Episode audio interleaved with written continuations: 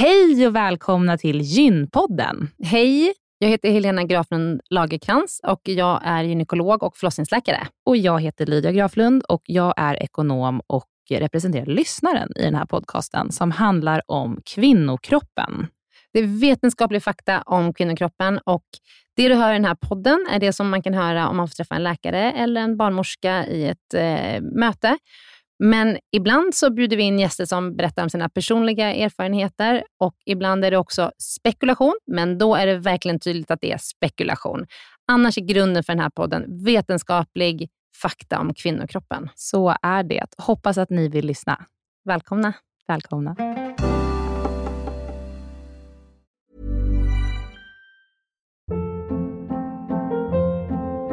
Hold up. What was that? Boring. No flavor. That was as bad as those leftovers you ate all week. Kiki Palmer here, and it's time to say hello to something fresh and guilt-free. Hello Fresh. Jazz up dinner with pecan-crusted chicken or garlic butter shrimp scampi. Now that's music to my mouth. Hello Fresh. Let's get this dinner party started. Discover all the delicious possibilities at hellofresh.com. Den här veckans avsnitt av Gynpodden är sponsrad av Ester Care. Och Helena, det är ju det bolaget, vårdbolaget, som du och jag har varit med och startat, där vi erbjuder digitala vårdmöten med specialister inom kvinnovård. Precis. Och vi vet att det är väldigt mycket vårdpersonal som lyssnar på Gynpodden, vilket vi är jätteglada för. Och vi behöver alltid fler gynekologer till STKR. Så därför vill vi nu göra en shout-out till alla er som lyssnar där ute som vill vara med och förändra svensk kvinnovård.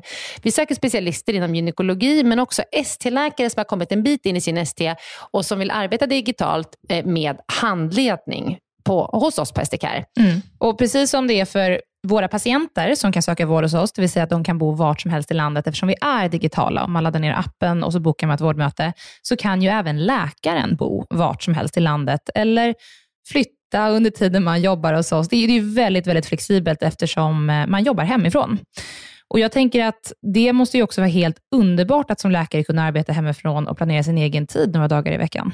Ja, verkligen. Och samtidigt vara med och förändra kvinnovården med kollegor som är otroligt drivna och engagerade. Det är jätteroligt att jobba på SDKR.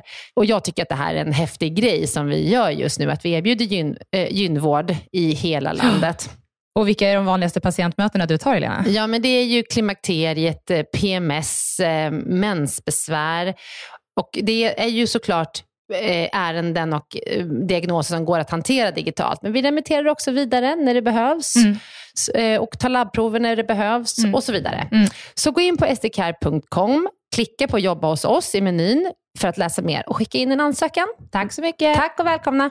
Jag tror att många känner som jag just nu en stor sorg för vad som händer i Ukraina Eh, att man känner att man vill på något sätt kunna hjälpa till, men kanske inte vet exakt hur. Ett tips från oss på Gynpodden är att bidra till flyktingarna som lämnar Ukraina just nu, vilket man kan göra via UNHCR, som är FNs flyktingorgan. Eh, krisen drabbar både barn och familjer och liv och säkerhet är i fara och UNHCR är på plats. Så man kan bidra med eh, olika typer av summor som, som kommer att hjälpa människorna som är på flykt just nu. Ett exempel är 370 kronor räcker till ett akut nödpaket som räddar eh, livet på människor som eh, är i en akut situation idag. Och eh, om man bidrar till UNHCR så eh, dubblas din gåva av Akelius Foundation. Så gå in på unhcr.se eh, och eh, bidra helt enkelt. Tack. Hej och välkomna till Gynpodden. Hej! Eh, jag heter Helena. det här är Lydia. Och ja, Det är vi som utgör basen av Gynpodden. Mm. Och Sen mm. har vi ju en ny expert med oss i varje avsnitt som vi spelar in. Ja. Och Vem har vi med oss idag, Helena? Idag har vi med oss min fantastiska kollega som heter Helena Kopp Kallner. Yay! Yay! Helena är docent och överläkare på kvinnokliniken på Danderyds sjukhus. Och eh, jag, när, jag tänkte, när jag skrev ihop lite manus för den här podden så tänkte jag så här. Det är ju en fantastisk ynnest att få ha dig som kollega på kliniken. För du utbildar ju nästan alla gynekologer i Sverige om preventivmedel och familjeplanering. Visst stämmer det? Ja, jag Ja. tror Det här är inte ens source. nästan alla, utan typ faktiskt alla. Ja. Så att Helena står bakom liksom nästan all information. Det finns väldigt få saker om preventivmedel, eller bland annat preventivmedel som du inte vet. Så att, du, att ha dig på kliniken är ju som att ha ja, ett, ett uppslagsverk. Det är helt fantastiskt.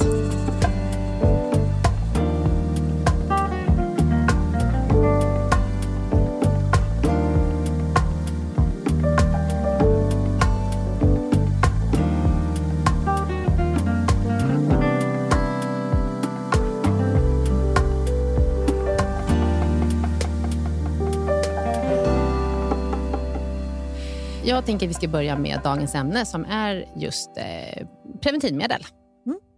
Shoot.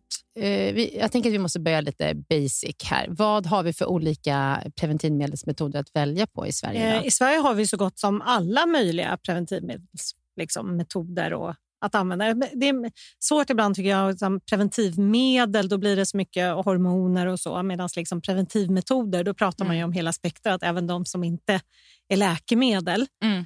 Eh, Så egentligen är preventivmetoder ett bättre sätt. Men vi Mm. har ju i princip allt, allt som finns på marknaden. har vi. Det är bra. Ja. Men Mm. det är väl runt så här 8-10 stycken alternativ vi pratar Ja, om? det beror ju lite på hur man liksom graderar dem. Jag, det finns ju olika sätt att liksom dela in preventivmedel. Man kan göra utifrån liksom verkningsmekanismerna. Hur, hur fungerar de egentligen? Men jag gillar den här indelningen i liksom långverkande metoder, kortverkande metoder och permanenta metoder. kan man säga. Den permanenta metoden är ju sterilisering Mm. Och långverkande metoder är då spiral och p-stav. Mm. Och sen har vi resten är ju kortverkande metoder som Mm. liksom bara funkar precis så länge som man använder dem. Och sen kan man bli gravid på stört. Mm. Just det. Men ska vi börja prata om ja, men sterilisering? Mm. Eh, det är ju precis som det låter, att man steriliserar kvinnan då i det här fallet. Hur, hur går det till? Eller mannen. Ja, men i den här man- i gynpodden tänker jag. Ja, I gynpodden. Men man kan ju övertala sin man att bli Ja, steriliserad. det är precis sant. Ja, Mm. nej men, eh, alltså, kvinnlig sterilisering är ju faktiskt världens vanligaste preventivmetod. Det kanske man inte tänker på, men så ser det ut när man tittar över hela världen. Och Det är ju därför att vi har två väldigt folkrika länder där man steriliserar mycket. Det är Indien och Kina. Mm. Och, eh, jag menar, fördelen är ju just att vet man med sig att man inte vill ha fler barn och vill ha en oerhört effektiv preventivmetod och kanske inte heller har mått bra på hormonella preventivmedel så är ju sterilisering jättebra. Mm. Tidigare har vi haft en metod där man har kunnat göra det här i princip utan bedövning eller i lokalbedövning bara och gå in i livmodern och eh, sätta in små eh, spiraler kan man säga in i äggledarna som har gjort att de har lött igen. Den metoden är tyvärr inte tillgänglig just nu eh, därför att det pågår en massstämning i USA mot företaget då, som har den här metoden. Så det är väldigt, väldigt tråkigt. Vad blev det? det blev någon slags komplikation hos en Ja, del precis. kvinnor. Alla kirurgiska metoder har ju komplikationer, men man gör en vanlig eh, sterilisering med titthålskirurgi, som ju är det andra alternativet då Mm. för kvinnor. Då använder man ju instrument från massa olika tillverkare. Då går det inte att liksom stämma de tillverkarna och bara, era instrument eh, funkar dåligt. Så här. Utan då är det kirurgens fel. Men Mm. just när man har bara ett visst instrument, då öppnar ju det för att man kan stämma tillverkaren av just det instrumentet. Och Det var det som har hänt i det här fallet. Då. Men var det att kvinnor hade blivit gravida ändå eller att det hade blivit liksom allvarliga komplikationer? Nej, allvarliga med- komplikationer, Ja. Mm. framförallt i form av kroniska smärtor och såna Okej. saker. Man var Mm. tvungen att operera bort de här och så. Eh, vi hade ju inga såna alltså, mer än normalt sett komplikationer i Sverige. Nej. Så du Eh. anser att det är fortfarande ett säkert, en säker metod att göra? Absolut. Mm. Mm. Och vi var oerhört förtjusta i den. Just därför att kvinnor som har oerhörda risker med att bli gravida, till exempel gravt överviktiga Mm. kvinnor eller kvinnor med hjärtfel eller liksom alltså, som har allvarliga sjukdomar Mm. som gör att man ska absolut inte bli gravid. Eh, och kanske heller inte då sövas och opereras och Mm. Eh, liksom inte kunna använda hormonella preventivmedel av olika skäl. och så. För dem, Det var ju så oerhört bra att bara kunna göra det här utan någon som helst bedövning, bara med ett tunt, tunt fint instrument och sätta de här sakerna på plats. Så det var verkligen Mm. fantastiskt. Mm. Nej, men det här kommer ju antagligen komma tillbaka. Och det hoppas jag verkligen på något sätt, eller liksom när patentet går ut, att det finns andra tillverkare som tar upp det. Mm. Och bara vi har flera olika tillverkare så kommer vi liksom att slippa det här med massstämningen. Men det är sterilisering. Mm. Det är sterilisering. Mm. och det är Eh, enda då- sättet att sterilisera på. Det är, Nej, det är ju då, sen är det den här titthålskirurgin Ja. som är en vanlig titthålsoperation Eh, och då är det ju så att då måste man ju vara sövd, annars går det inte att göra den här titthålsoperationen. Fördelen är ju att man är steril på dagen. Mm. Liksom. I princip skulle man ju då, om man tycker att man inte har så ont efter operationen, kunna gå hem och ha sex samma dag och vara steril. Det är en väldigt effektiv metod. Jag tycker den är lite underanvänd i Sverige. Tyvärr ser reglerna väldigt olika ut i olika landsting. Där vissa landsting är det gratis i och andra får man betala själv. Mhm. Och när man liksom får betala själv då, eller betala en del själv, då blir det jobbigt. Men då Vad vill jag göra det reklam för en sak. Och det är att det här är en dagoperation. Mm. Och Det innebär att du kan söka vård i vilket landsting som helst. Ah. faktiskt. Just det, så då kan man komma till Stockholm för här är det till gratis. exempel. Ja. Och sen skickar vi räkningen till ditt landsting. förstår du. Och Då Just det. brukar inte de skicka räkningen vidare till kvinnan. Nej. Nej. Och hur görs den då? När, är den eh, liknande fast du gör det via titthåls... Ja, till nej, ja, alltså det ena är att man stoppar in saker inuti äggledaren, då, de här spiralerna som jag pratade om. Och sen den andra operationen, då tar man tag i äggledarna med en tång och så bränner man av dem så att det blir en ärrbildning. Ibland klipper man av dem också, det är inte helt nödvändigt. Men, eh, så att, eh, det är helt enkelt att man förhindrar att, att spermien och ägget kan mötas. Mm. Det är det det går ut på, liksom, att man skapar en, en barriär, Mm. eh, en kirurgisk barriär. Och, den, här å- är å- 100% säker, eller? Ingenting här i världen är 100 procent Nej. säkert. Förutom att vi alla ska dö.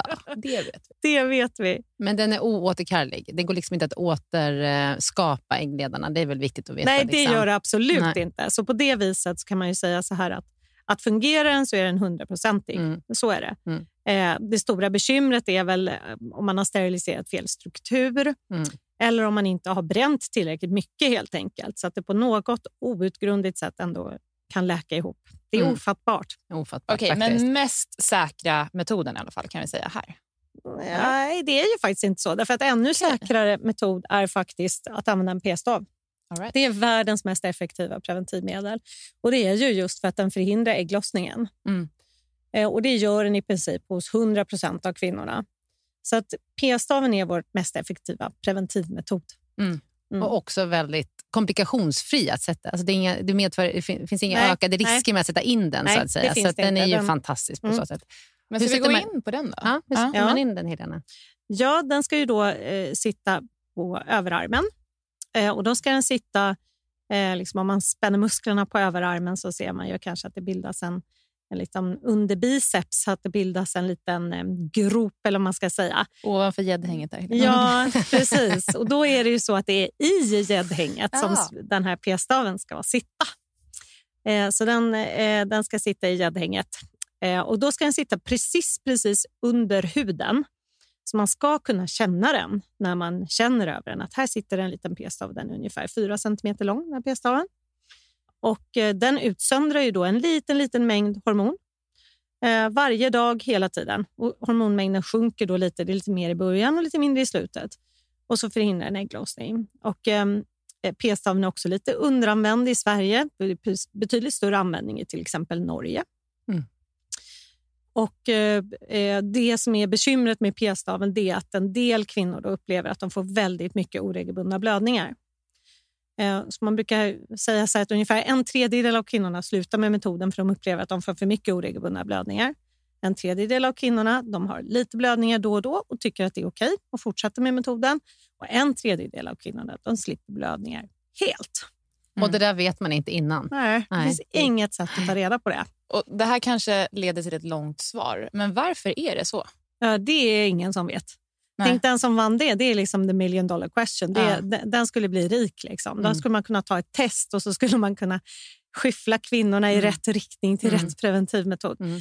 Men eh, jag tycker alltid med alla preventivmetoder att man ska våga pröva. Eh, och sen så kan man byta.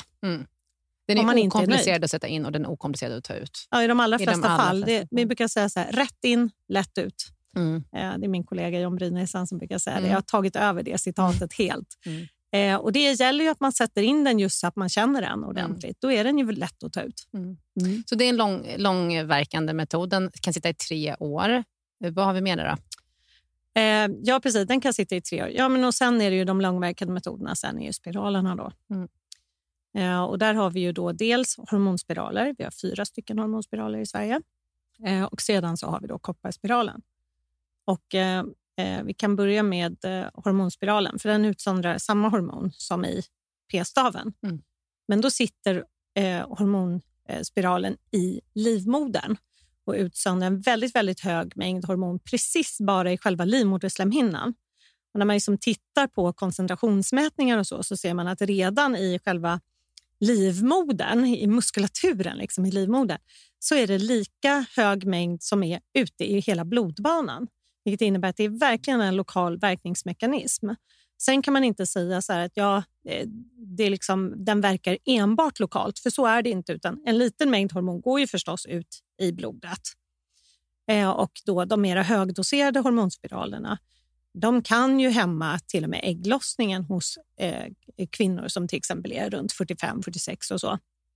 Och även de som är yngre. Det beror på hur känslig, hur känslig man Hur är. känslig man är. Men jag fick höra på, av någon läkemedelsföretag som sa att Mirena motsvarar... Mirena är den högdoserade eh, hormonspiralen. Mm. Och att den motsvarade... Hög och hög, men ja, Mm. men om man, Den med ja, mest hormon den med mest hormon av Mm. spiralerna. Att den motsvarade ungefär ett minipiller i veckan. Det är ändå extremt låg dos. Systemiskt, det man liksom kan mäta i blodet. Ja, jag tror till och med att det är lite lägre Ja, faktiskt. kanske- Mm. Men kan vi, det finns fyra alltså hormonspiraler. Mm, och hur skiljer de- de, sig åt Ja, de två, de två eh, liksom, som du kallar för högdoserade, men som Mm. jag är högst doserade Mm, i alla mm, fall, de är mm. extremt lågdoserade när man tittar på i blodet, som du säger, med alltså, en tjugondel brukar jag säga. Mm. Men eh, när man då tittar då på, på de, det finns två sådana spiraler. Och eh, ja, vad finns det mer att säga om dem? De ger ju då högst chans att bli av med mensen helt Mm. eh, och är otroligt effektiva mot mensvärk. Mm. Eh, och sen ger de ju då, eftersom de är så lågdoserade i resten av kroppen, så ger de väldigt lite biverkningar generellt sett. Och de biverkningar som finns det är ju i sådana fall att man till exempel får finnar. Det är ju det absolut vanligaste. Mm. För det är gulkroppshormon som den Precis. Mm. Ja. Och det, det är också ett eh, lite så manligt eh, inriktat gulkroppshormon. Så man, kan, Mm. man kan få finnar, lite fet hy, eh, lite fett hår kan man uppleva. Men det är sällsynt. De flesta kvinnor får, den liksom har en liten boostereffekt i början, så här pang på. Och Då kan kvinnorna uppleva det här. Och Sen så brukar det ge med sig också lite bröstspänningar. Eh, men totalt sett otroligt lite biverkningar om man jämför med till exempel p-piller då, eller p-staven. Och sedan då så har man eh, utvecklat två stycken nya spiraler eh, som kom för, ja, det är väl, den första kom för sju år sedan nu, tror jag, 2013 tror jag. Eh, och den, eh, den minsta då, den heter i Sverige Jades. Utomlands heter den Skyla i många länder. Och eh, Den kan man bara ha i tre år för att där är kapseln så liten, liksom, så den innehåller så lite hormon så den funkar inte mer i tre år. Och Den är ju extremt lågdoserad och då kan man säga att där är den liksom tvärtom. Då, så att där är otroligt få kvinnor som faktiskt blir av med mensen helt. Så liksom det omvända förhållandet. Så där får man räkna med att man har en blödning varje månad. Och I princip ingen kvinna alls blir av med sin ägglossning. Eh, utan fortsätter att ha ägglossning på den. Då. Och Sen så har vi liksom en så här, eh, landet lagom, Sverige, eh, som nu då mellanspiralen har blivit en enorm storsäljare i Sverige. Lite oklart varför. Kylena. Mm, Kylena. Mm. Och varför säger du oklart varför? Eh, Jag vet inte riktigt vad som är fördelen med den. Den Nej. är ju verkligen mellanmjölk. Alltså. Och där är det ju då eh, ja, ungefär en fjärdedel av kvinnorna kanske som upplever att man har väldigt lite menstruation eller blir av med mensen helt. Eh, Men de andra fortsätter då menstruera. Och första året så är det väldigt, väldigt sällsynt att man blir av med sin ägglossning och sen så efter det så eh, finns det ingenting av det. Så att alla fortsätter att ägglossa precis som vanligt. Mm. Eh, Så allt beror ju lite på vad man vill ha. Liksom. Mm, ja. Vill man säga bara, nej men jag vill helst inte ha någon mens, då ska man ju inte satsa på de två eh, lägst doserade spiralerna, utan då ska man ju satsa på den högst doserade spiralen. Och vad heter den? Nu har vi nämnt Mirena, Kylena och Jade. Så vad heter den fjärde? Den heter i Sverige var så. Och det är den lägst? Nej. Nej, den är lika högdoserad som Mirenan, alltså, så att den innehåller ja, 52 milligram. Då, men den, och den heter, I USA heter den Lailetta och där har den blivit extremt populär därför att eh, hormonspiraler är så fruktansvärt dyra i alla länder utom Norden, nästan faktiskt. Alltså här kostar de ju i princip tusen spänn kan man ju säga. Eh, I USA så kostar den tusen dollar. Och det var ju lite skillnad. Så här. Ja. Men båda de två, eller äh, man ska komma ihåg att alla de andra tre, det är bara Jadis som kan sitta i tre år, de andra kan sitta i fem Ja, år. precis. Så tusen kronor för fem år. Ja, alltså nu det, ska du få höra. Ja, få höra. Att, eh, då eh, Levosart och Mirena kan numera sitta i sex år. Jaha. Och jag garanterar, jag sätter min personliga, eh, mitt personliga rykte på spel här, att de som sätter in de spiralerna idag kommer att kunna ha dem i sju år. Okej. Vad händer om man eh, vaknar upp och så har man haft spiralen i tio år? Det händer ingenting. Men de Det är har ganska slutat fungera? Mer än att man har en risk för att bli gravid. Ja, det är det som händer. Mm. Va, Redan jag, idag förlänger vi ju användningstiden för Mm. spiralerna. Alltså är du 49 år ja. och så har du haft eh, liksom din eh, Mirena i, i fem år, då är det ingen som säger så här, den måste bytas omedelbart, utan då får man ha den kvar tills man har gått in i klimakteriet. Ja. Mm. Vad är det de här eh, hormonspiralerna gör som gör att eh, du inte kan bli gravid när Ja. du har dem? Generellt sett kan man säga så här att det är gulkroppshormonet som um, är preventivmedlet i det här fallet, för det är ju ett hormon. Gulkroppshormon är ju ett hormon som vi kvinnor har naturligt i kroppen ungefär halva menscykeln kan man säga. Eh, och det, var, det man såg då det var ju att när man gav gulkroppshormon så lurade man liksom kroppen att tro att den eh, befann sig i slutet av menstruationscykeln precis hela tiden som kom aldrig fram till att den skulle ha ägglossning igen. Utan han bara, nej men jag är ju här någonstans i slutet här på, mens, liksom på menscykeln så är det inte dags för mens riktigt än. Och då kan man säga så här att gulkroppshormonet då, när man tillför det hela tiden lurar kroppen så att säga och tror att den är i en annan fas än vad den är. Eh, och då beror det på vilken dos som man tillför. Så ger man väldigt lite gulkroppshormon, då påverkar man egentligen mest så här sekretet i livmodertappen så att det blir så hårt och ogenomträngligt, som slemproppen under graviditet kan man säga. Eh, Och då kommer väldigt få spermier in, men då fortsätter man att ha ägglossning ändå. Vänta, har man en slempropp när man är gravid Ja, det som gör att spermier inte åker in då? Har den Ja, det, funktionaliteten? alltså, eller? ja, den funktionaliteten har den också. Ja. Men det är väl mest att det ska skydda mot infektioner egentligen. tror jag. Ja, okej. Mm. Eh, och sedan då, så höjer man då dosen, ja då hämmar man ägglossningen. Så då får man ingen ägglossning.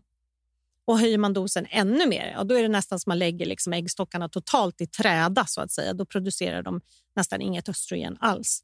Vi har ju en del sådana metoder också som man kan ta till. Eh, så att det, det är gulkroppshormonet som gör det här. Och då kan man säga då i hormonspiralen att man befinner sig då på... Det är så lågdoserat rent ut i kroppen så man hämmar inte ägglossningen. Medan om man då till exempel kommer upp i p-stavsnivåer, då hämmar man ägglossningen och det är därför det blir så effektivt. Finns det några eh, komplikationer eller några risker med, eh, med spiral? Ja, det, det finns risker med allt här i Mm. livet. Mm. När det gäller spiral så finns det egentligen två, två risker. Um, eller kanske tre när jag tänker efter. Men den, den första risken är ju omedelbart när man sätter in den. och Det är ju helt enkelt att man råkar ha hål på livmodern och sätter in spiralen i något, annat ställe där den inte ska vara, oftast i bukhålan. Eh, Extremt ovanligt ska vi säga. Extremt ovanligt, färre än en på tusen. Mm. Eh, det enda tillfälle när det är lite, lite mer vanligt är ju när man sätter in en spiral direkt efter en förlossning. Eller inte direkt efter en förlossning utan ungefär tre månader efter förlossning. Då är risken som allra högst om man ammar. Eh, för då är livmodern liten och tunn och kvinnan har ofta inte heller så bra smärtförnimmelse från livmodern. Eh, så att där är det ju många som, som kommer tillbaka och bara oj, så här, det märkte inte jag. Det gjorde inget ont när jag satte in den och ändå så sitter den helt koko. Liksom. Mm. Eh, så det är ju en risk. Sedan är ju risken att man faktiskt orsakar en infektion. Och Den risken är också extremt liten, men den är lite förhöjd de första 20 dagarna efter att man har satt in spiralen. Efter det så har kvinnor med spiral exakt samma risk för infektioner som alla andra kvinnor. Mm. Det är bara de första 20 dagarna som man har en ökad risk. Eh, och eh, Sedan är det ju så att eftersom spiralerna inte hämmar ägglossningen så kan man, om man blir gravid, då, då, eh, få ett utomkvedshavandeskap. Det. Och Det är därför att spiralen skyddar mycket bättre mot en graviditet som sitter i livmodern än som sitter utanför. Därför att koncentrationen är ju så hög av hormonet inne i livmodern, men den är inte det i äggledaren. Eh, så att blir man gravid med spiral då måste man kontrollera med ultraljud att graviditeten sitter på rätt ställe. Det är jätteviktigt. Vi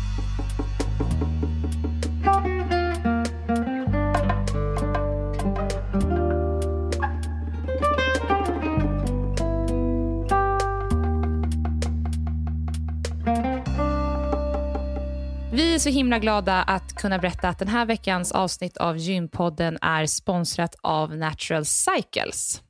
Natural Cycles har två olika typer av produkter. De har Natural Cycles Birth Control och Natural Cycles Plan Pregnancy och är världens första och enda digitala preventivmedelsmetod som är CE-märkt och vetenskapligt bevisad.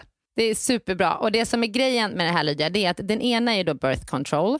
Det är alltså som en preventivmedelsmetod. Mm. Och den andra då, eh, natural cycle plan pregnancy, den kan man ju då skifta till sen om man vill bli gravid. Så de har ju båda de funktionerna. Just det. Och då har du redan säkert väldigt bra koll på din kropp eh, inför Exakt. att du ska börja planera en pregnancy för att du har använt Mm. den för birth control innan. Så du känner din kropp väldigt väl av att använda natural Ja. cycles. Håller med. Mm. Jättebra. Smart. Och Helena, hur funkar natural cycles? Kan du berätta? Jo, det är ju så att du kan ju inte bli gravid alla dagar i månaden, utan det är ju vissa dagar i månaden som man är fertil. Och den här eh, appen drivs då av en algoritm som identifierar den dagliga fertilitetsstatusen baserat på din basala kroppstemperatur. Och för Det finns nämligen en nyckellänk då mellan fertilitet och kroppstemperatur. Så man mäter sin kroppstemperatur varje morgon och då märker man att när kroppstemperaturen stiger så är man runt sin, eller precis efter sin ägglossning och då ska man såklart inte ha oskyddat samlag. Det är ingen fara om man glömmer att mäta ibland, Mm. men då kan man få fler röda dagar så det är bättre om man kommer ihåg att mäta minst fem dagar i veckan. Mm. Och Den här termometern då, som är Natural egna termometer har två decimaler så att den är väldigt noggrann mätning. Och När du har lagt in din temperatur i appen så ger Natural Cycles dig en röd eller grön dag beroende på om du är fertil eller inte. Och eh, Lydia, det man måste ha koll på här då, det är att grön dag, du är inte fertil och du behöver inte använda skydd under samlag. Medan en röd dag betyder att du är fertil och bör använda skydd under samlag eller eh, avstå om du inte har något bra skydd. Just det. Och hur effektiv eh, är den här preventivmedelsmetoden, Helena? Det finns inga preventivmedel som är 100% effektiva, men när Natural Cycles används perfekt så är det 98% effektivt. Och Det innebär då att du inte har oskyddat sex på röda dagar. Men eh, det är ungefär 93%, eller det är 93% effektivt har man sett vid då studier om man använder det vid en- typisk användning. Och Typisk användning det inkluderar till exempel som att ha oskyddat sex trots att det är en röd dag. Ja, just det. Och Det som också är viktigt att nämnas det är att man måste vara över 18 år för att få använda Natural Cycles Mm. och att såklart, Lydia, skyddar inte Natural Cycles mot könssjukdomar, men det tror jag nog att alla vet. Mm. Och Just nu så kan man få 20% rabatt på en årsprenumeration och en gratis termometer på www.naturalcycles.com om man använder rabattkoden GYNPODDEN. Så gå in och, och testa Natural Cycles om du vill använda ett, eh, ett helt naturligt alternativ som preventivmedelsmetod för din kropp. Ja, och kom ihåg att det här är ett utmärkt alternativ för kvinnor som letar efter naturligt och icke-invasivt alternativ till hormonella preventivmedel. Mm. Så tusen, tusen tack Natural Cycles.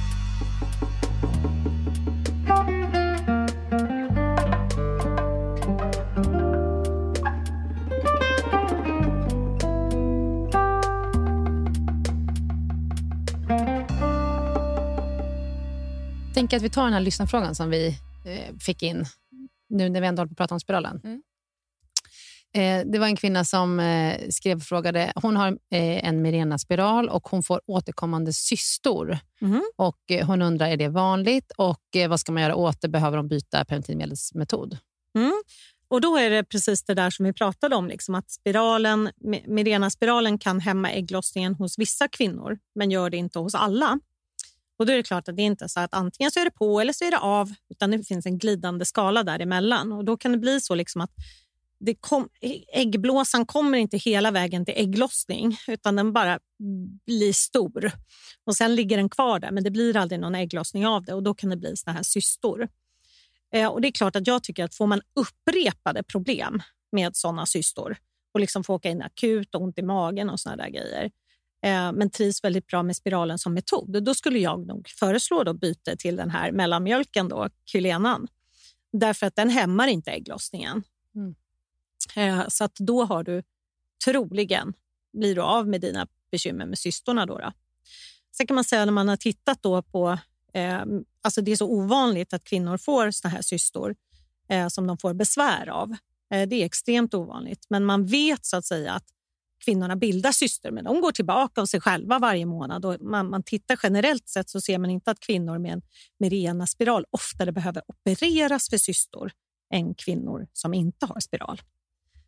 Men, men just i hennes fall, om hon har upprepade Mm. besvär och bildar cystor, om, om hon har besvär av cystorna, då ska jag göra någonting åt det. Annars så ska man bara sluta göra så mycket ultraljud på henne, tycker jag. Ja, jättebra. Mm, superbra. Ja. Är det någon gång farligt eh, att ha syster?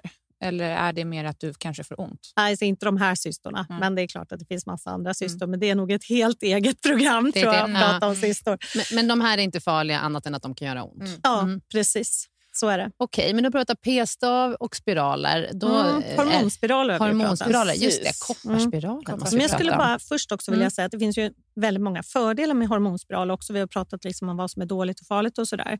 Men den stora fördelen är ju just att det är vår allra mest effektiva met- metod när det gäller de som har rikliga menstruationsblödningar. Mm. Att de minskar mensen otroligt mycket, upp till 90 procent minskning. Eh, och Det är jätte, jätteviktigt. Och Sen är det också vår allra mest effektiva metod mot mensvärk Mm. vilket ju är ett stort bekymmer för väldigt många kvinnor. Det är också en effektiv behandling mot endometriossmärtor. Eh, så det finns ju väldigt många fördelar också. Skyddar mot livmodercancer. Exakt, Mm. det gör de verkligen. De är också en behandling faktiskt nästan Mm. mot livmodercancer hos väldigt unga kvinnor som får det av någon anledning. kan man sätta in. Jag skulle kunna ha ett helt avsnitt om hur mycket jag älskar Mirena-spiralen. Alltså, den är... Det är Jag många gynekologer som är såna. ja, och jag brukar säga det när någon frågar så här, men vad tycker du om Mirena-spiralen? Jag så här, alla gynekologer älskar Mirena-spiralen. Är det högdosspiralen? Ja, Ja. Den, med, ja, den med högsta dosen som fortfarande är Jag väldigt kan eh, låg dos. presentera lite rolig eh, vetenskap. Det här är faktiskt publicerad vetenskap. Och då visar det sig att när man eh, frågar gyn- kvinnliga gynekologer vilket preventivmedel de använder så använder de flesta eh, Mirena-spiral. Och när man frågar manliga gynekologer vilket preventivmedel deras kvinnor så att säga, använder, deras fruar och flickvänner och allt vad det är, så är det Mirena-spiralen. Mm, den är bäst. Att, ja. Mm. Men alltså, jag tycker, ja, men, eh, den är bäst för de flesta, men den är inte bäst för alla. Nej. Nej. Så det finns ju vissa kvinnor som, som inte ska ha den. Som den här kvinnan till exempel. Låter inte som hon ska ha den i min värld. Och kanske inte de heller med liksom besvärlig endometrios på äggstockarna och kvinnor som har mycket akne och sånt. De ska ju inte ha Mirena spiral. Det blir Mm. fel. Just Mm. det.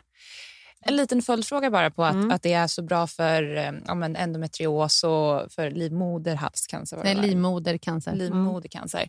Hur kommer det sig? Vad är det som i hormonspiralen som gör att eh, den är effektiv mot det? Ja, det är ju samma mekanism som gör att man inte blöder när man Mm. har den. Och Det är att den tunnar ut slemhinnan i livmodern. Eh, Så att man, det gör att man inte blöder och det gör också att man, eh, att man har minskad risk för livmodercancer. Och endometrios... Eh, det, Det är samma sak. Ja, det är samma sak. Och endometrios är en sjukdom som man, när man får väldigt mycket smärta i samband med blödning, så om man då tar bort Mm. blödningen så Mm. kan en del, eller väldigt många bli bättre av det. Mm. Mm. Sen är också det här gulkroppshormonet då, det gör ju att livmodern slappnar av. Det är ju den funktionen. Det har under en graviditet till exempel att se till att man, att man behåller graviditeten, att livmodern inte drar sig samman och stöter ut den. För det är annars vad livmodern är gjord för, att stöta ut saker. Ehm, så att när man sätter in då den här spiralen som utsöndrar gulkroppshormon, då slappnar livmodern av. Och Det är också en viktig verkningsmekanism för eh, mensvärk. Så att Mm. även om man blöder så har man oftast inte så ont. Det Faktiskt. krampar inte? Nej, Nej. precis. Super. Mm. Ja. Okej, Medan kopparspiralen är lite tvärtom. Mm. Mm. Ja, jag, faktiskt från mitt perspektiv. Jag har aldrig liksom haft med kopparspiralen att göra. Men jag har hört att den gör väldigt ont. Det är ungefär den informationen jag har fått till mig. Alltså, den, man måste ge rätt metod till rätt kvinna. mm, Eh, och eh, kopparspiralen är rätt metod för kvinnor som inte blöder särskilt mycket och inte har särskilt mycket mensvärk eh, och inte kan eller vill använda ett hormonellt preventivmedel. Där är kopparspiralen rätt. Mm. För att kopparspiralen verkar ju genom att utsöndra kopparjoner eh, och den orsakar också som en inflammation i livmodern. Och då tänker man så här, inflammation, det låter ju inte bra. Så här, kronisk inflammation, så här, får man cancer då? Men det får man inte. Man får faktiskt en minskad risk för cancer även av kopparspiralen, vilket ju är bra. Men den här inflammationen, om man liksom tänker själv, vad, vad, hur ser en vävnad ut som är inflammerad? Men den är röd, den gör ont, den är svullen.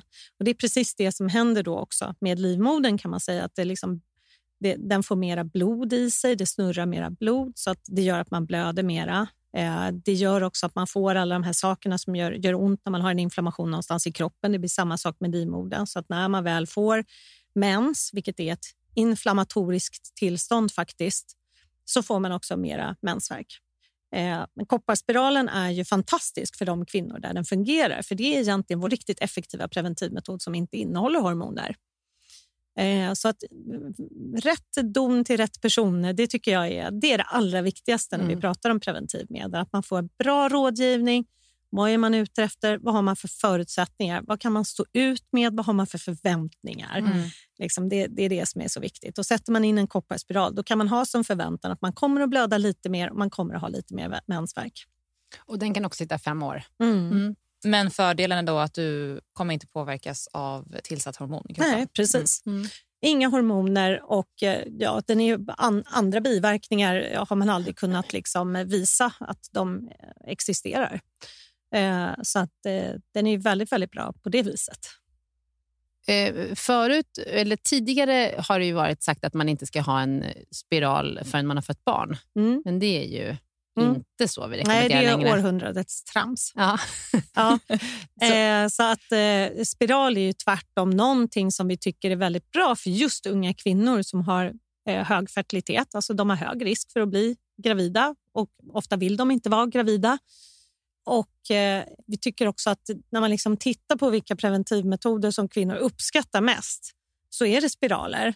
Vi tycker att liksom, hur, som det har varit tidigare, att man, liksom, man ska tugga sig igenom alla metoder och sen till slut när man har varit missnöjd med varenda metod i hela universum, då kan man om man har riktigt tur träffa någon som ändå skulle kunna tänka sig att sätta in en spiral på dig, gubevars. Varför eh, är det så här? Ja, och det är ju helt orimligt. Mm. Utan Jag tycker tvärtom att vi måste satsa på att ge just unga kvinnor som liksom kom, är nybörjare på preventivmedelsmarknaden de ska vi väl ge det bästa först. Liksom. Mm, varför, mm. varför ska man sitta och hålla på det? Liksom?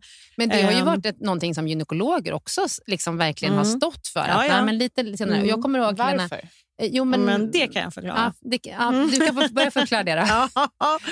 Nej, men det var så här att det fanns en spiral på 60-talet eh, som i Sverige kallades för lusen. Den såg lite ut som en lus nämligen. Och den hade flätade trådar.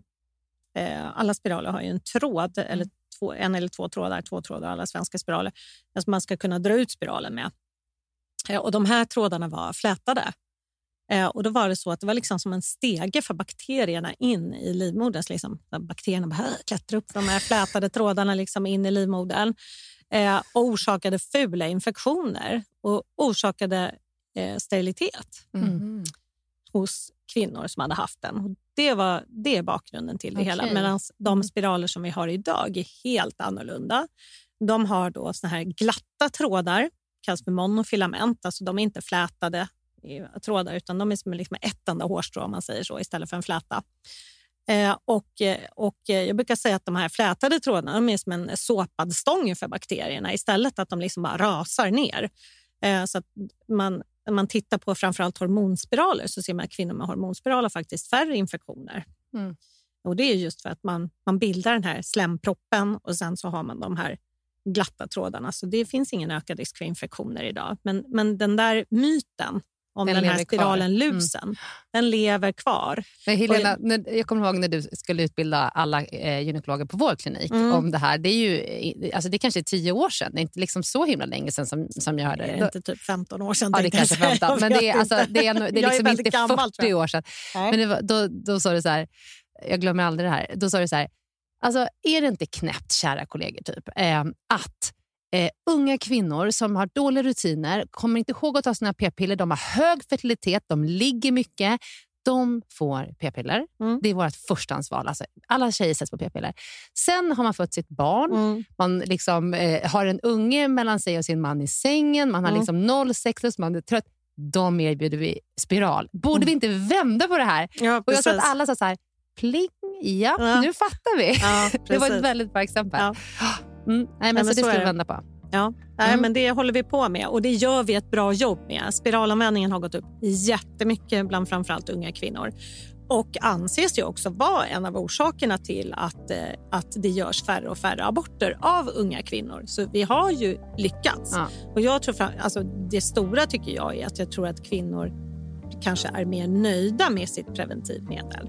Mm. Det tycker jag är, eh, liksom för mig, målet för mig är ju att kvinnan ska vilja använda sin preventivmetod och tycka att den är bra och vilja fortsätta med den för att hon känner att det här är rätt för mig och det här får mig att må bra. Ryan Reynolds här från Mint Mobile. priset på nästan allt som går upp under inflationen, trodde vi att vi skulle bring våra priser down. So to help us, we brought in a reverse auctioneer, which is apparently a thing. Mint Mobile unlimited premium wireless. Ready to get 30, 30, bit to get 30, bit to get 20, 20, 20, bit to get 20, 20, bit to get 15, 15, 15, 15 just 15 bucks a month. So, Give it a try at mintmobile.com slash switch. $45 upfront for three months plus taxes and fees. Promo rate for new customers for limited time. Unlimited more than 40 gigabytes per month. Slows. Full terms at mintmobile.com. A lot can happen in three years, like a chatbot may be your new best friend. But what won't change? Needing health insurance. United Healthcare Tri Term Medical Plans, underwritten by Golden Rule Insurance Company, offer flexible, budget friendly coverage that lasts nearly three years in some states. Learn more at uh1.com. Den här veckan så är Gynpoddens avsnitt sponsrat av hemsidan mittpreventivmedel.se som är en eh, informationshemsida gjord av Bayer. Mm. Och vi har pratat om den tidigare i avsnitt eh, om att eh, det finns olika tester du kan ta, eller det finns ett test du kan ta. Du kan också gå in och jämföra olika preventivmedelsmetoder för att se vilka som är bäst för dig och du Mm. kan titta på en film där Mm. du kan förbereda dig inför att du ska träffa barnmorska eller gynekolog och skaffa ett pre- preventivmedel. Men det vi skulle vilja berätta om idag, det är att det finns också då eh, på mittpreventivmedel.se så finns det en bra lathund om man råkar glömma ta sitt p-piller, eftersom det beror ju lite på liksom när i kartan som du glömmer att ta ditt piller. Mm. Och Då kan du gå in under rubriken “Känner du igen dig?” så finns det en rubrik som heter “Undvika oplanerad graviditet”. Mm. Och Där är listat sådana här saker då som kan hända. Att mensen är sen, du har glömt att ta p-pillret, behov av akut p-piller och kondomen gick sönder. Mm. Ja, du vet Lydia, olika saker som kan hända Mm. som ändå gör att man blir sjukt orolig och behöver få information om vad som kan hända. Så börja med att gå in och läsa på den här sidan för att se liksom lite var passar du in någonstans. Mm. Det här är faktiskt en väldigt viktig del av den här hemsidan. Ja, och det är en superenkel guide där man Mm. fyller i hur många piller man har glömt, vilken sorts karta det var. Är det en karta med fyra eller sju sockerpiller? Inga alls. Ehm, ja. Så att det, är- det är väldigt anpassat till din situation och sen Mm. så får du råd. Mm. Och Ibland kan det vara att man bara, bara behöver ta igen det här pillret som man har missat och ibland behöver man kanske komplettera och ha kondom i en vecka liksom, eller så under en viss tid. Så att, eh, ja, men den är informativ och bra. Så gå in och kolla på mittpreventivmedel.se och sen klicka vidare till den här lathunden då, som man hittar under rubriken “Känner du igen dig?” Mm. Jättebra sida. Tack Eh, Bayer. Tack Bayer.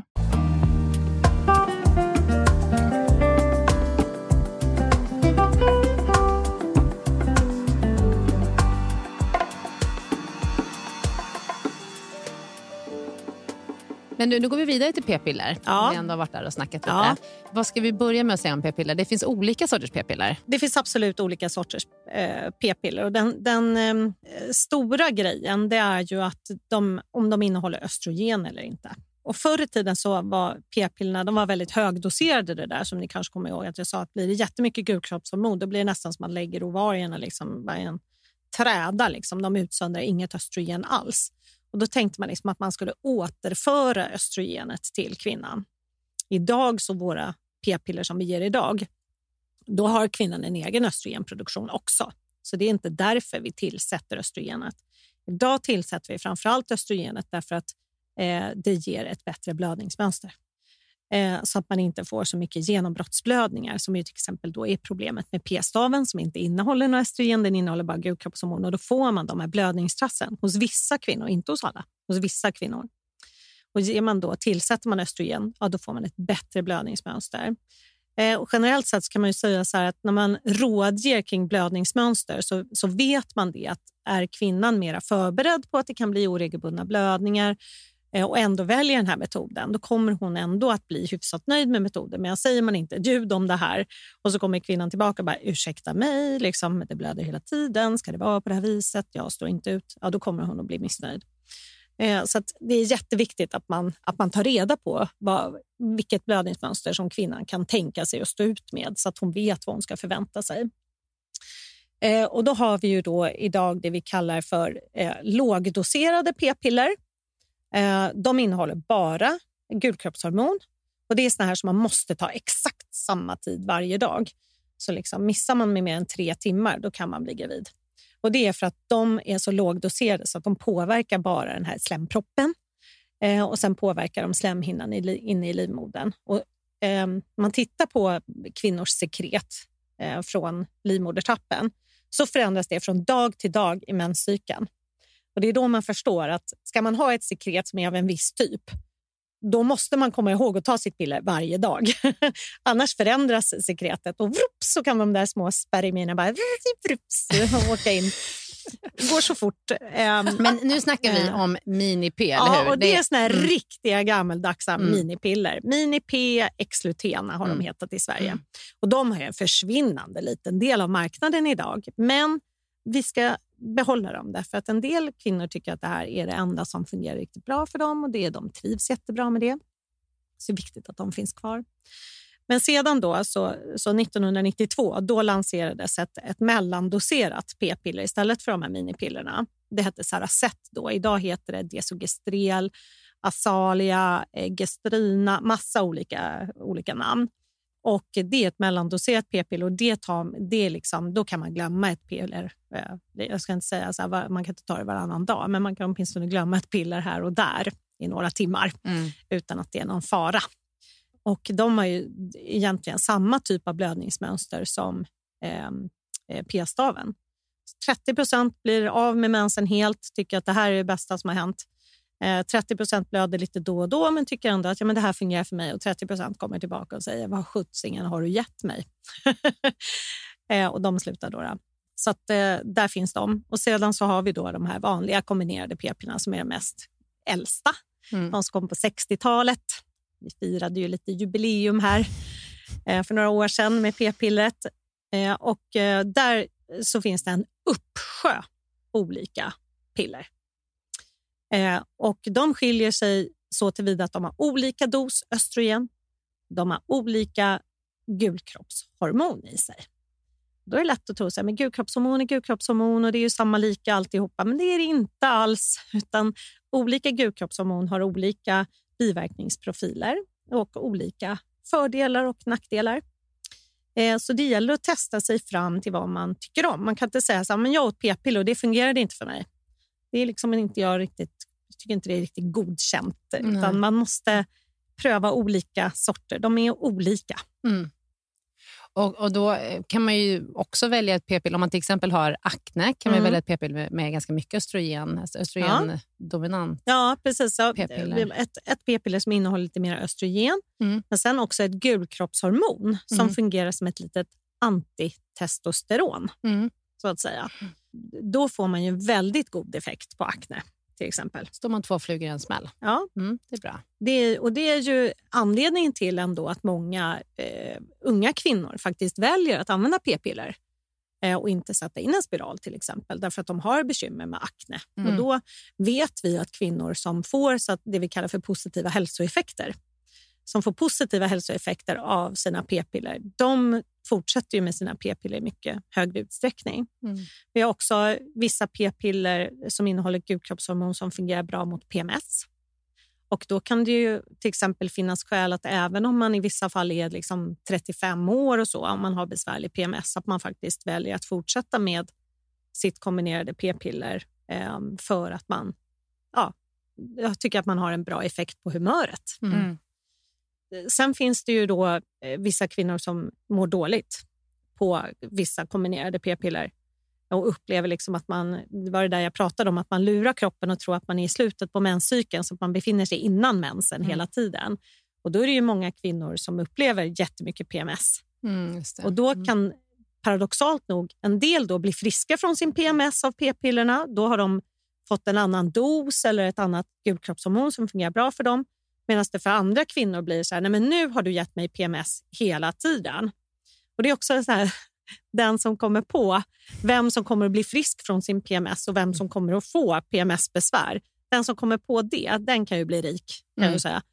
Eh, idag så kan vi inte göra någonting annat än att bara testa. Mm. Jag brukar säga det så här att vi testar det här och då ska du vara medveten om att om du känner att nu har jag haft PMS i tre veckor, då är inte det här rätt metod för dig. Och de här humörpåverkan, den får man ofta ganska snabbt. Precis som att man får PMS varje månad och så försvinner den, så blir det samma sak med p-pillerna. Att man märker ganska snabbt att humöret förändras. Det är liksom inte så att man plötsligt så efter tre år säger att Nej, men nu tror jag inte jag mår bra av mina p-piller längre. Nej, utan Nej. man kommer så fort man börjar. Då är det nog någonting annat som gör att man mår dåligt. Men däremot om man känner redan efter några veckor att man känner att, att humöret går raskt neråt, då var inte just den sorten i alla fall rätt för dig. Nej. Och Då kan vi alltså byta till någonting som kanske är bättre. Det finns ju vissa då som har mera så här liksom studier gjorda som verkligen visar att de hjälper. Och Nu har vi också fått ett nytt eh, mellandoserat p-piller. Alltså istället för bara den här Cerazette, Sogestel, Gestrina, Salia, vad den, allt vad de nu heter. Eh, istället för den har vi fått ett nytt eh, mellandoserat p-piller som heter Slinda och som just innehåller det här gulkroppshormonet som liksom verkar vara då snällast mot hjärnan eller vad man ska säga. Och, eh, men där finns det inga studier gjorda på PMS än. Men det skulle vi ju vilja att företaget gör. Mm. Eh, för att det vore ju fantastiskt därför att PMS är ju vanligare ju äldre man blir. Just När det. man liksom 45 år så är det mycket vanligare när man är 22, konstigt nog. Mm. Men det är så faktiskt. Vet vi varför de påverkar humöret? Vad det är som händer som, som gör att humöret påverkas av de här pillerna? Alltså det finns ju många teorier på varför gulkroppshormon påverkar humöret. Eh, eh, Men det verkar ju vara en direkt effekt på hjärnan kan man säga. På liksom olika mottagare i hjärnan. Mm. Men vad så här, var- varför kräks en del kvinnor i graviditet? Varför föder en del barn lätt? Jag vet inte. Nej, Det finns så mycket, som, är, som vi inte vet. Mm. Men du, Helena, nu ska vi prata om något som vi vet. Hur ska man käka p-piller? Ska man göra uppehåll? Ja, nej, det där var ju en eh, snubbe som kom på på 60-talet för att han trodde att påven skulle tycka om p-piller då. Men det visade sig att påven gillar aldrig p-piller. Eh, för han tänkte så att om vi liksom härmar den naturliga cykeln eh, helt konstgjort, eh, så kommer påven att gilla p-piller. Men, men påven gillar ändå sant? inte p-piller. Är det sant, Helena? Ja, det är sant. Eh, man, men man tänkte liksom att man skulle eh, efterlikna den naturliga cykeln. Det vill säga Mm. att kvinnor skulle blöda fem till sju dagar varje månad. Mm. Eh, så p-pillerkartan med 21 aktiva piller och sju uppehållspiller är designat för att Katolska efterlika. Mm. efterlikna kvinnans naturliga cykel. Fast det är ju inte en mens, det måste man ju komma ihåg. Det är man helt har- konstgjort helt och helt konstgjort. meningslöst Mm. och värdelöst Mm. för de flesta. Eh, och Det är också visat att liksom, vi har pratat här om att man lindrar mensvärk. Absolut, man lindrar den, men det visar, studier visar fortfarande att även kvinnor under den här helt konstgjorda blödningen faktiskt har mensvärk. Mm. Eh, och att det påverkar livet negativt. Eh, så att vi slutar med det där nu.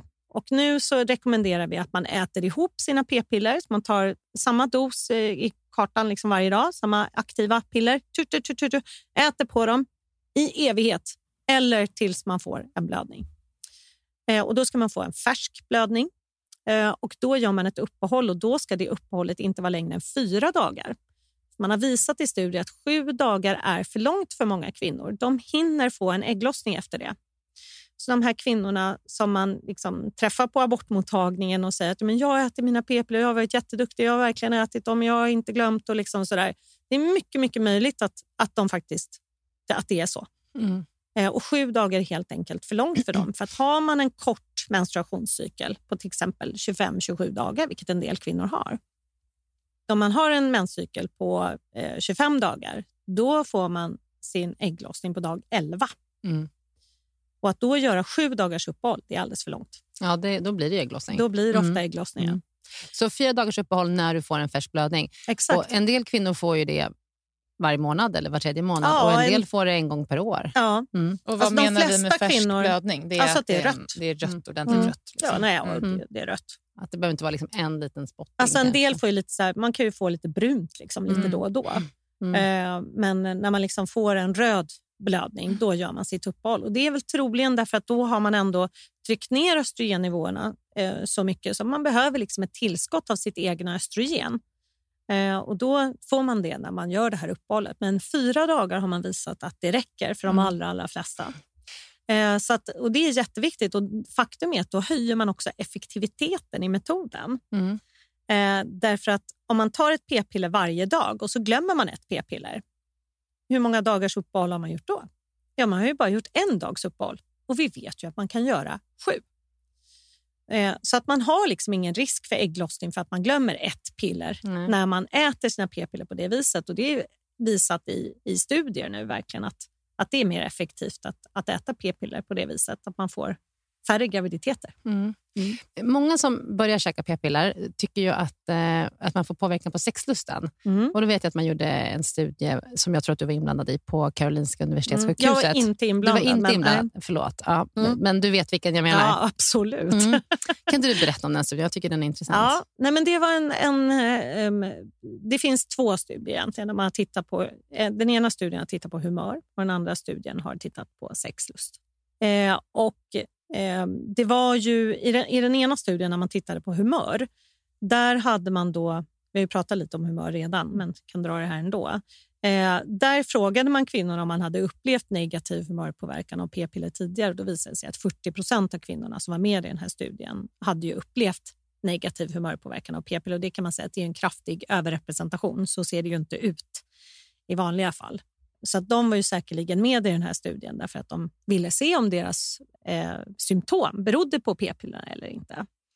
Och då lottades man till att antingen då bara använda kondom och käka sockerpiller eller till att använda kondom och få p-piller. Man visste ju inte då vilken grupp man tillhörde. Och då såg man att i, i gruppen som fick eh, sockerpiller, där upplevde ändå 17 procent att de kände att de fick en humörpåverkan. Mm. Och Det är ju det här vi har att liksom kämpa emot hela tiden. Att det är väldigt utbredd uppfattning att man kommer att må dåligt av sina p-piller. Sedan så såg man att det var fler kvinnor i p-pillergruppen som mådde dåligt av sina p-piller också. Mm. Och det här vet vi. Det här är ingenting som liksom folk försöker mörka. Eller så här, man, man liksom ibland så blir det nästan så konspirationsteorier. Så att vården vägrar erkänna. Liksom så här, men det är inte så. Utan vi vet ju, precis som jag sa tidigare, att en del kvinnor upplever att de får PMS varje dag när de käkar p-piller. Mm.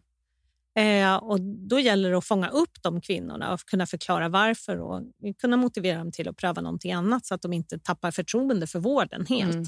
Eh, Men, men fortfarande så är det så liksom att 17 procent av kvinnor som alltså får sockerpiller upplever att de eh, mår dåligt av Mm. p-pillerna. Och sen när det gäller sexlusten, då gjorde man en exakt likadan studie kan man säga. Eh, men där frågade man inte kvinnorna innan om de hade upplevt att de hade fått sämre sexlust av p-piller. Eh, och I den studien så såg man att kvinnorna kanske upplevde lite mindre initiativförmåga och egen upplevd lust men att man hade samma förmåga att besvara sexuella inviter från partnern. Eh, och Man hade också samma förmåga att få orgasm, vilket är väldigt viktigt. Eh, för det är ju så att väldigt, väldigt många kvinnor i Sverige, upp till 20 procent av unga kvinnor i Sverige, står på till exempel SSRI-preparat. Och De ger ju en försämring i bland annat orgasmförmåga eh, och definitivt sämre lust. Vad är det för preparat? Ja, det är antidepressiva Ja. läkemedel, Mm. den vanligaste typen som man Mm. skriver ut. Eh, och Det är jätteviktiga läkemedel och det är preventivmedel också. Mm. Jätteviktiga läkemedel. Men Så eh, lite minskad eh, initiativförmåga i gruppen som åt p-piller jämfört Mm. med den som inte åt p-piller. Men i övrigt detsamma. Samma sexuella funktion Ja. så, Så killarna får ta lite mer ansvar helt enkelt. Mm. för att initiera liggandet. kanske. Exakt. Mm. Ja. Okej. Mm. Det, det kan vara så. Eh, eh, och Det är absolut förstås inte så för alla kvinnor. Nej. Nej. Och Det man såg i den här studien också det var att det var väldigt små... Alltså man såg den här skillnaden signifikant. Eh, men det var så små skillnader att man upp, eh, det var inte tydligt att det skulle påverka. Det blir så svårt att förklara det här. Mm. så att säga. Men jag brukar säga så här att eh, det som liksom, har du lite brunt eller my- mycket brunt hår eller har du brunt hår? Liksom, Mm. så. Att skillnaden i nyanser kanske inte spelar så stor roll på hur det uppfattas eller hur du upplever saker och ting. Ja, ja, jag vet inte vad man ska säga. Men, Det är helt enkelt, så det- upplever man att man får en nedsatt sexlust två, Mm. tre veckor efter att man har börjat med sina p-piller, då är det läge att byta tycker jag. Mm. Okej. Ja. Men om man börjar uppleva det efter att man har gått på sina p-piller eller haft en spiral i ett år, då kanske det är någonting annat. Då är det någonting annat, Ja. ja. ja. absolut. Bra det det kom, Mm. kommer inte efter så lång tid, utan det Nej. ska ju komma eh, tämligen omgående, liksom, redan Mm. efter några veckor, att man märker en skillnad. Och så är det med de flesta biverkningar överlag Ja, när man börjar det ta de det. här preparaten. Absolut. Men du Helena, vad, du nämnde det lite här nu, vad vi har att arbeta mot när det kommer till hormoner. Ja. Vad, varför tror du att det är så omdebatterat med hormonella preventivmedel, trots att vi har haft det i så många decennier? Ja, men jag, eh, liksom... Det är en himla bra fråga faktiskt. Men jag tror det finns ju verkligen, och vi kommer väl till det snart, ett liksom nyväckt intresse tror jag för liksom, kvinnokroppen och kvinnokännedom. Liksom ett Mm. slags Eh, en feministiskt, ett feministiskt intresse som liksom är på väg tillbaka känner jag. Eh, och Då liksom blir det där liksom att vi- ska ta makten över våra kroppar och så. Och Då så inriktar man sig jättemycket på de här eh, liksom, eh, naturliga fertilitetskontrollmetoderna eh, som liksom baseras på kroppskännedom. Att man ska liksom ta tempen och kolla sitt sekret och, och föra logg över mensen. och så där. Det finns mängder med olika appar och eh, metoder för att göra det. Eh, men jag kan ju ofta känna så här att det, det måste också vara lätt att vara kvinna. Det är också en del av att vara feminist, att man Mm. tycker att det ska vara lätt att vara kvinna. Och De här metoderna är inte för alla. Nej. Och om jag har jättemycket mensvärk och om jag blöder jättemycket, varför ska jag hålla på med det där när jag istället kan ta ett piller eller sätta in en spiral som kan få mig att må bra? Mm. Och jag tycker liksom att feminismen snarare ska gå ut på att alla kvinnor ska få det som får dem att må bäst. Mm. Det måste vara det feminismen ska gå ut på. Inte att man ska liksom dela in kvinnor i vissa fack som att du har gått på den patriarkala strukturen och tar p-piller som är utvecklat av män på 60-talet. Liksom, det kan inte vara det feminism ska handla om. Utan om jag gör det för att jag mår bra av det, då är det bra. Då är det liksom power.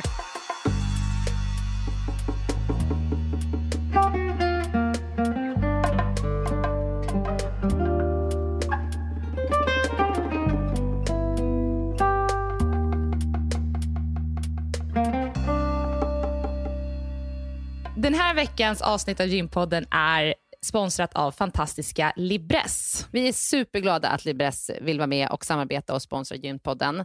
För att eh, både du och jag har ju varit inne på deras hemsida, libress.se, och eh, läst på om alla produkter och all information som finns där. Det är verkligen en jättebra hemsida. Jag rekommenderar den till alla som lyssnar. Ja. Och Libresse, eh, man märker verkligen på deras hemsida och i sättet de uttrycker sig på att de, precis som vi i Gympodden, strävar efter att bryta tabun kring mens, vaginor och vulvor och eh, försöker verkligen se till så att alla med en livmoder världen över ska känna sig stärkta och ha möjlighet att leva livet precis som de vill utan rädsla eller skam. Och Den här veckan så vill vi lyfta en ny produkt som heter Extra Protection som är Libresse nya trosskydd. Och det är utvecklat för att absorbera alla sorters droppar från underlivet. Det kan vara blödningar, spottings, flytningar eller lite kiss. Och blödningar och spottings det kan ju komma på grund av hormonförändringar. Eh, Om du till exempel börjar med ett nytt eh, preventivmedel eller om du byter från ett till ett annat.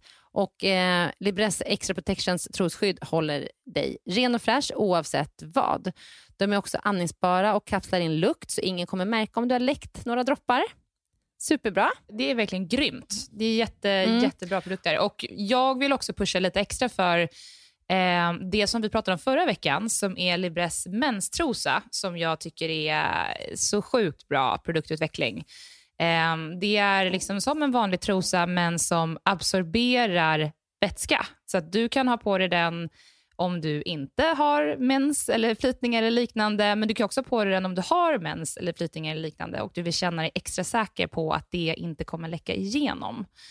Ehm, så jättebra. ja, jättebra produkt och eh, den hittar du alltså på libress.se och just nu så har vi en rabattkod på 20%, så att om du använder gynpodden 20 så får du 20% off på ett helt köp. Och rabattkoden gäller fram till den 2 november. Och utöver det kan man faktiskt också beställa gratisprov av Libresse Extra Protection.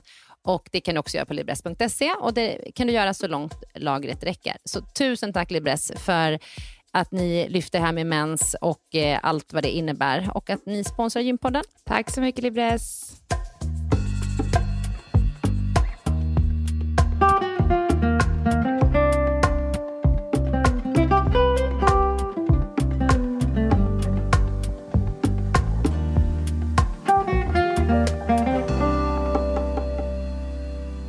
Men du, ska vi prata lite då om de hormonfria eh, metoderna? Ja, Eh, Som till exempel natural cycles, Kondom. kondom. exakt. Jag tänkte Mm. nästan vi kunde börja med kondomen. Vi börjar med kondomen. Mm. För det är ändå... Den alltså- känns så uråldrig. Ja, men ändå är den otroligt vanlig. Ja. Man gör undersökningar eh, på liksom, svenska kvinnor så visar det att i princip alla svenska kvinnor har någon gång haft samlag med manlig kondom.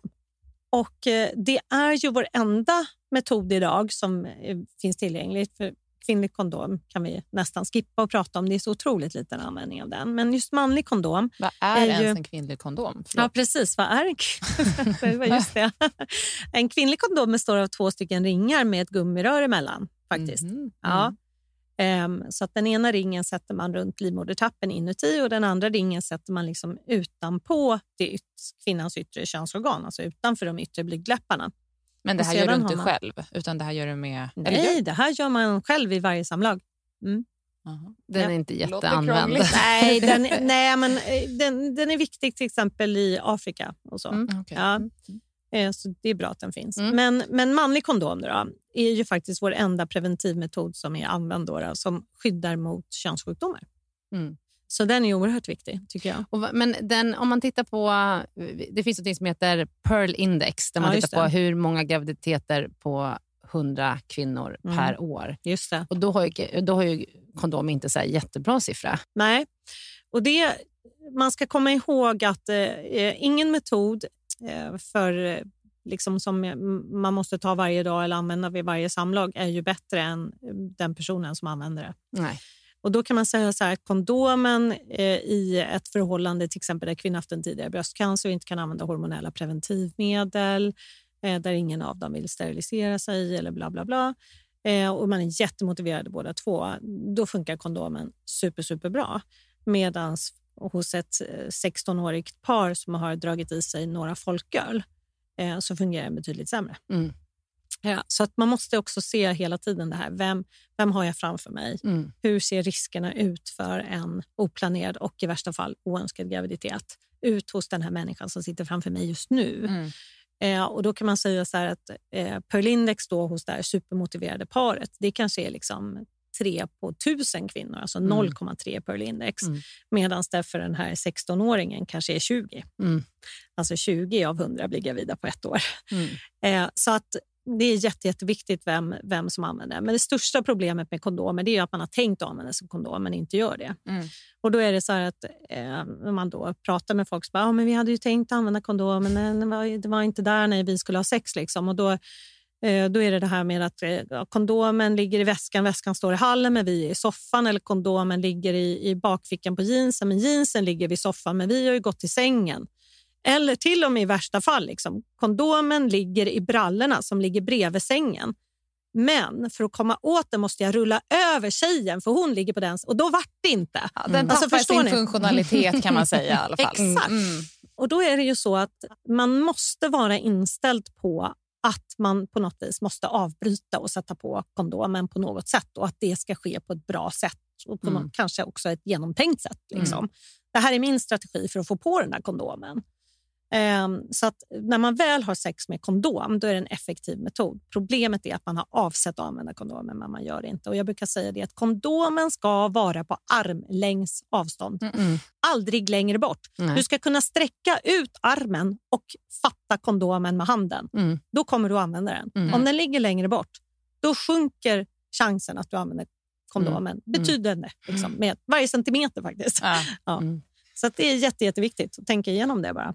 Natural cycles. Hur är det? Natural Cycles, det är ju en p-app. Mm. Och den har ju visat hög effektivitet om man använder den som man ska. De flesta graviditeter som uppstår med Natural Cycles uppkommer därför att man chansar. Mm. Därför att man får många röda dagar.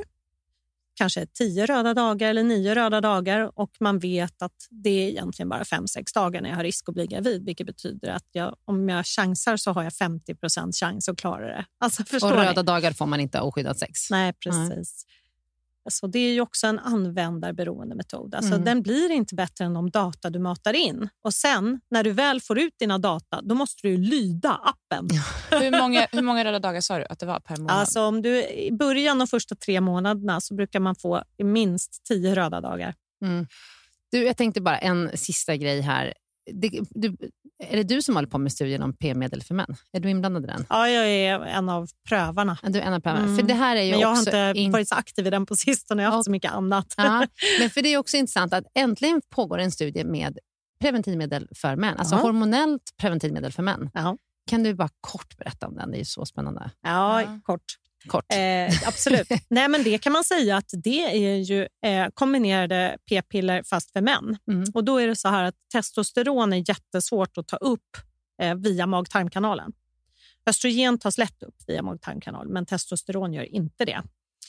Eh, och därför har man designat en studie där det istället är en gel. Så det är typ som om man tar så här handspritgel, det vet alla vad det är nu för tiden. Men det har ungefär samma konsistens som den. Och så smörjer man in den då på eh, axlarna och överarmarna. Och det gör man en gång om dagen.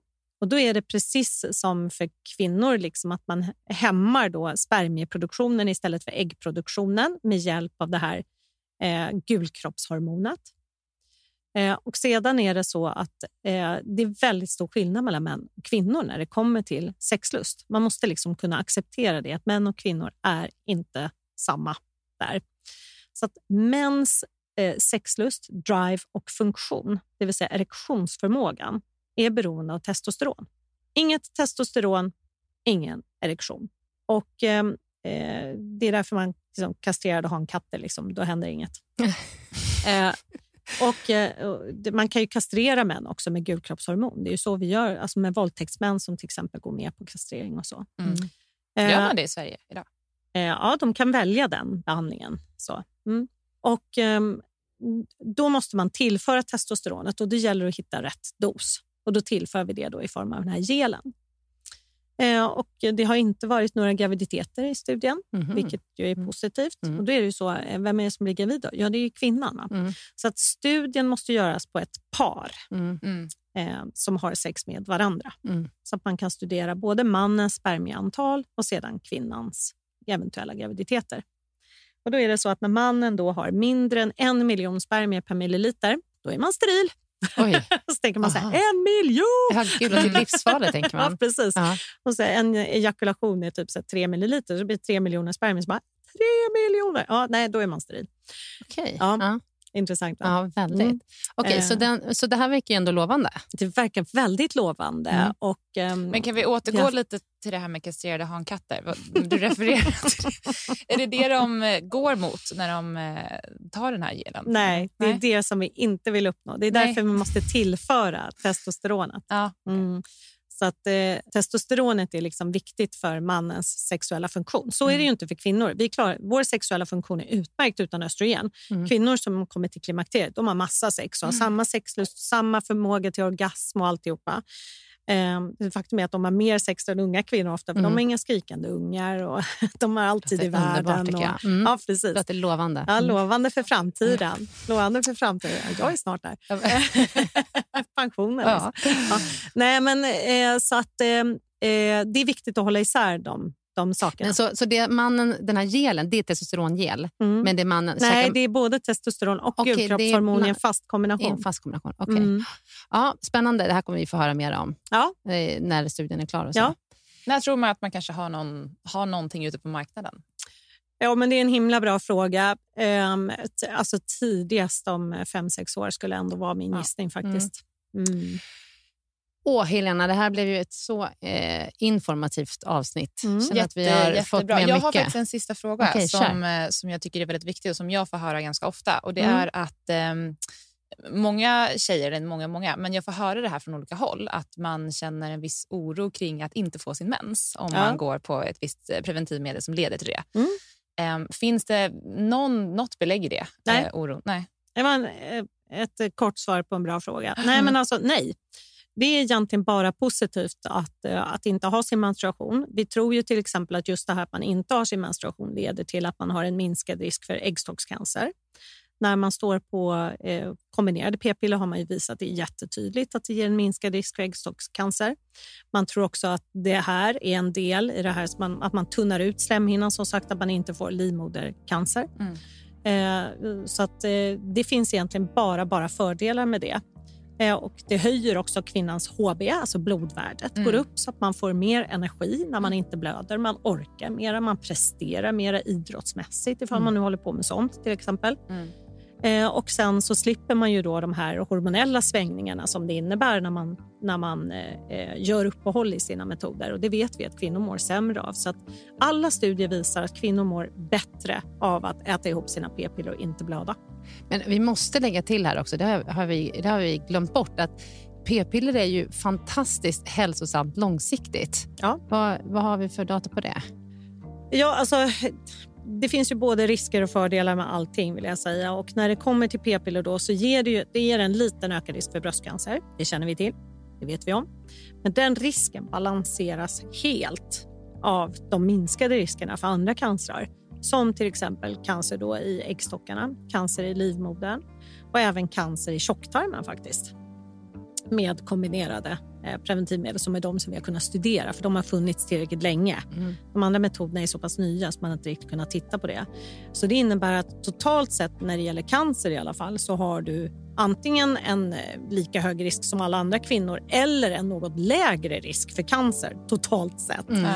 Ehm, och det är ju jätte, jätteviktigt. Och för vilka metoder gällde det? Det var Det är framförallt kombinerade p-piller, men Ja. vi tror ju även att det gäller metoder, framförallt när man hämmar ägglossningen. Mm.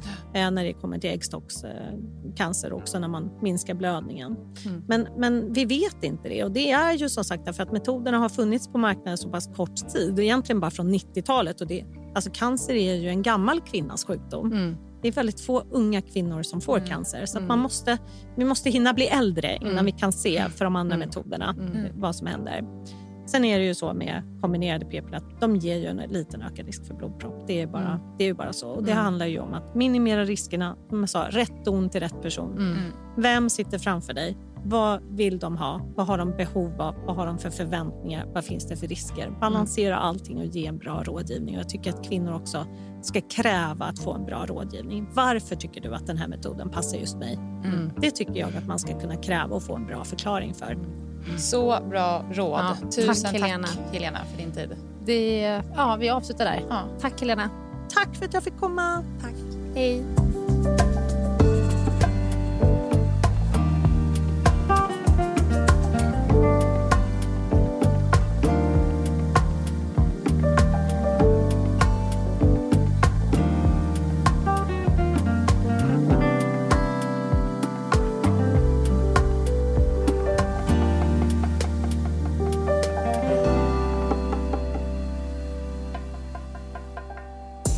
Podcasten är producerad av Perfect Day Media.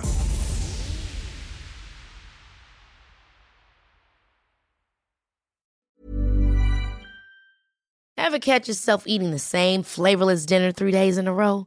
Dreaming of something better? Well, HelloFresh is your guilt-free dream come true, baby. It's me, Gigi Palmer. Let's wake up those taste buds with hot, juicy pecan-crusted chicken or garlic butter shrimp scampi. Mm. Hello Fresh. Stop dreaming of all the delicious possibilities and dig in at HelloFresh.com. Let's get this dinner party started.